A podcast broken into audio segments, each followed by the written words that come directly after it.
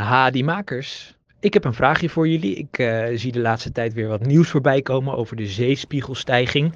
Eh, laatst ook eh, toen de waternoodsramp werd herdacht.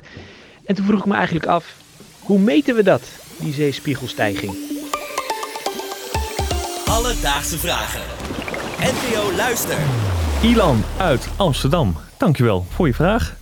Wat leuk. Ja, leuk hè? Dat Heel leuk. af en toe nog wat van hem horen. Ja. Voor de luisteraar, Ilan was hier ook eh, heel lang presentator. En eh, blijkbaar luistert hij nog steeds naar ons.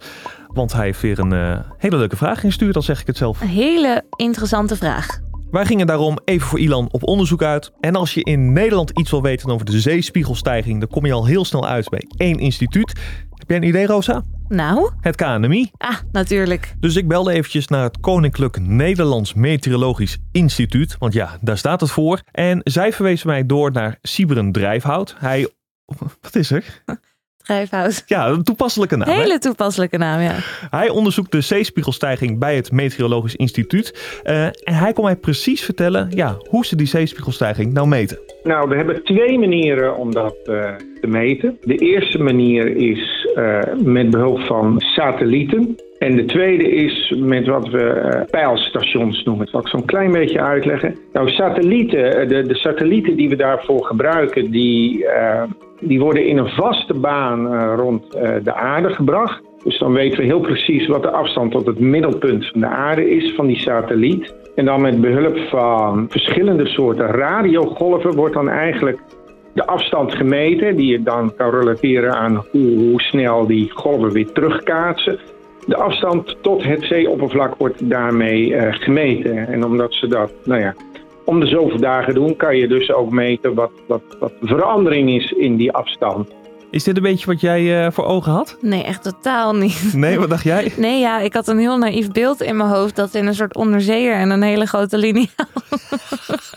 dus, nee, ja, dit is voor mij het volkomen nieuw. Dit is eh, heel wat anders dan met een liniaal in het water eh, gaan staan. Siberen noemde ook nog een andere manier naast de satellieten, namelijk de pijlstations.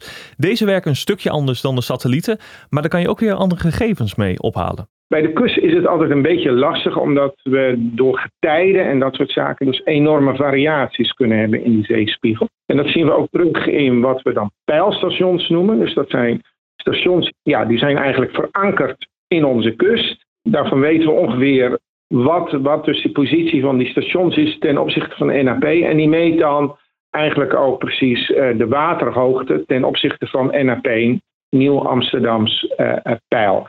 En daarmee kunnen we eigenlijk ook een goed beeld hebben van hoe de zeespiegel stijgt voor onze kust. Het enige verschil is dat de bodem natuurlijk ook aan het dalen is eh, eh, eh, voor de Nederlandse kust. En dat zit in die pijlstations erbij inge- inbegrepen.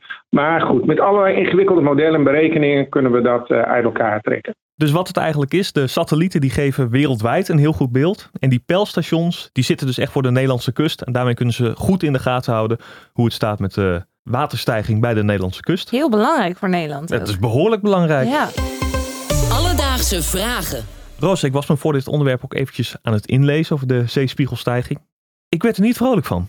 nee, Nee, dat is een beetje een dooddoener dat misschien. is een dooddoener, ja. Maar ik wilde toch eventjes zeggen, want wat ik las, dat verbaasde mij wel. Stel we zouden stoppen met al die extra CO2 uitstoten. Zelfs dan stijgt de zee nog eeuwen door. Nog eeuwen. Ja, en ik dacht, Sibren, ik heb je nu toch aan de lijn. Ik heb dit gelezen. Hoe kan dat? De grootste bijdrage aan de zeespiegelveranderingen in onze hele geologische geschiedenis wordt veroorzaakt door het kleiner of het weer groter worden van, van ijskappen. En die ijskappen die, ja, die reageren niet zo snel. Het is nu al te warm eigenlijk voor de ijskappen die we nu hebben. Dat weten we ook uit, uit data uit het geologisch verleden.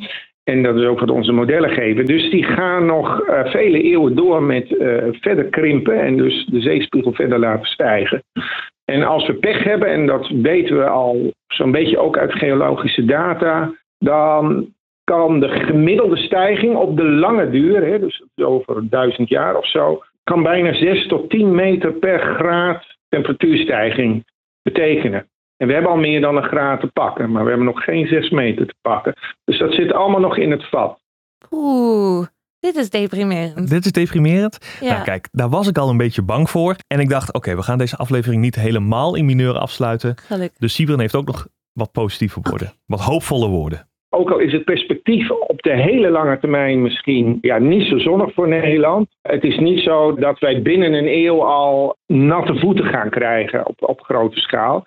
Voor de komende 100 jaar is, is door het Delta-programma en de Delta-commissie zijn we, zijn we goed voorbereid op, op wat ons te wachten staat. Oké, dus wij zitten voorlopig nog veilig. Nog geen Utrecht aan zee, Nog als niet? ik dit zo hoor. Uh, maar onze achterkleinkinderen, die uh, hebben zometeen de Costa del Utrecht uh, voor de deur. Ja, uh, als we zo doorgaan wel ja. Dus ja. laten we het alsjeblieft een beetje goed achterlaten. Precies. En anders is het wel heel letterlijk na onze zonnevloed. Wauw. Dus Ilan, om antwoord te geven op je vraag hoe meten ze die zeespiegelstijging? Nou, dat gebeurt op twee manieren. Met satellieten die in de ruimte hangen of met pijlstations die voor de kust verankerd zijn. Nou, die satellieten die sturen radiogolven naar het zeeoppervlak. Die kaatsen vervolgens terug. En door dit om de zoveel dagen te herhalen, kunnen ze de zeespiegel meten. Met pijlstations wordt dan weer iets dichter bij huis gemeten. Via deze verankerde stations wordt namelijk de zeespiegel voor de Nederlandse kust in de gaten gehouden. Heb jij ook een vraag? Stuur ons dan een berichtje op Instagram. Dat kan naar Alledaagse Vragen. Of stuur een mailtje naar alledaagsvragen.bnnvara.nl en dan zoek ik het voor je uit.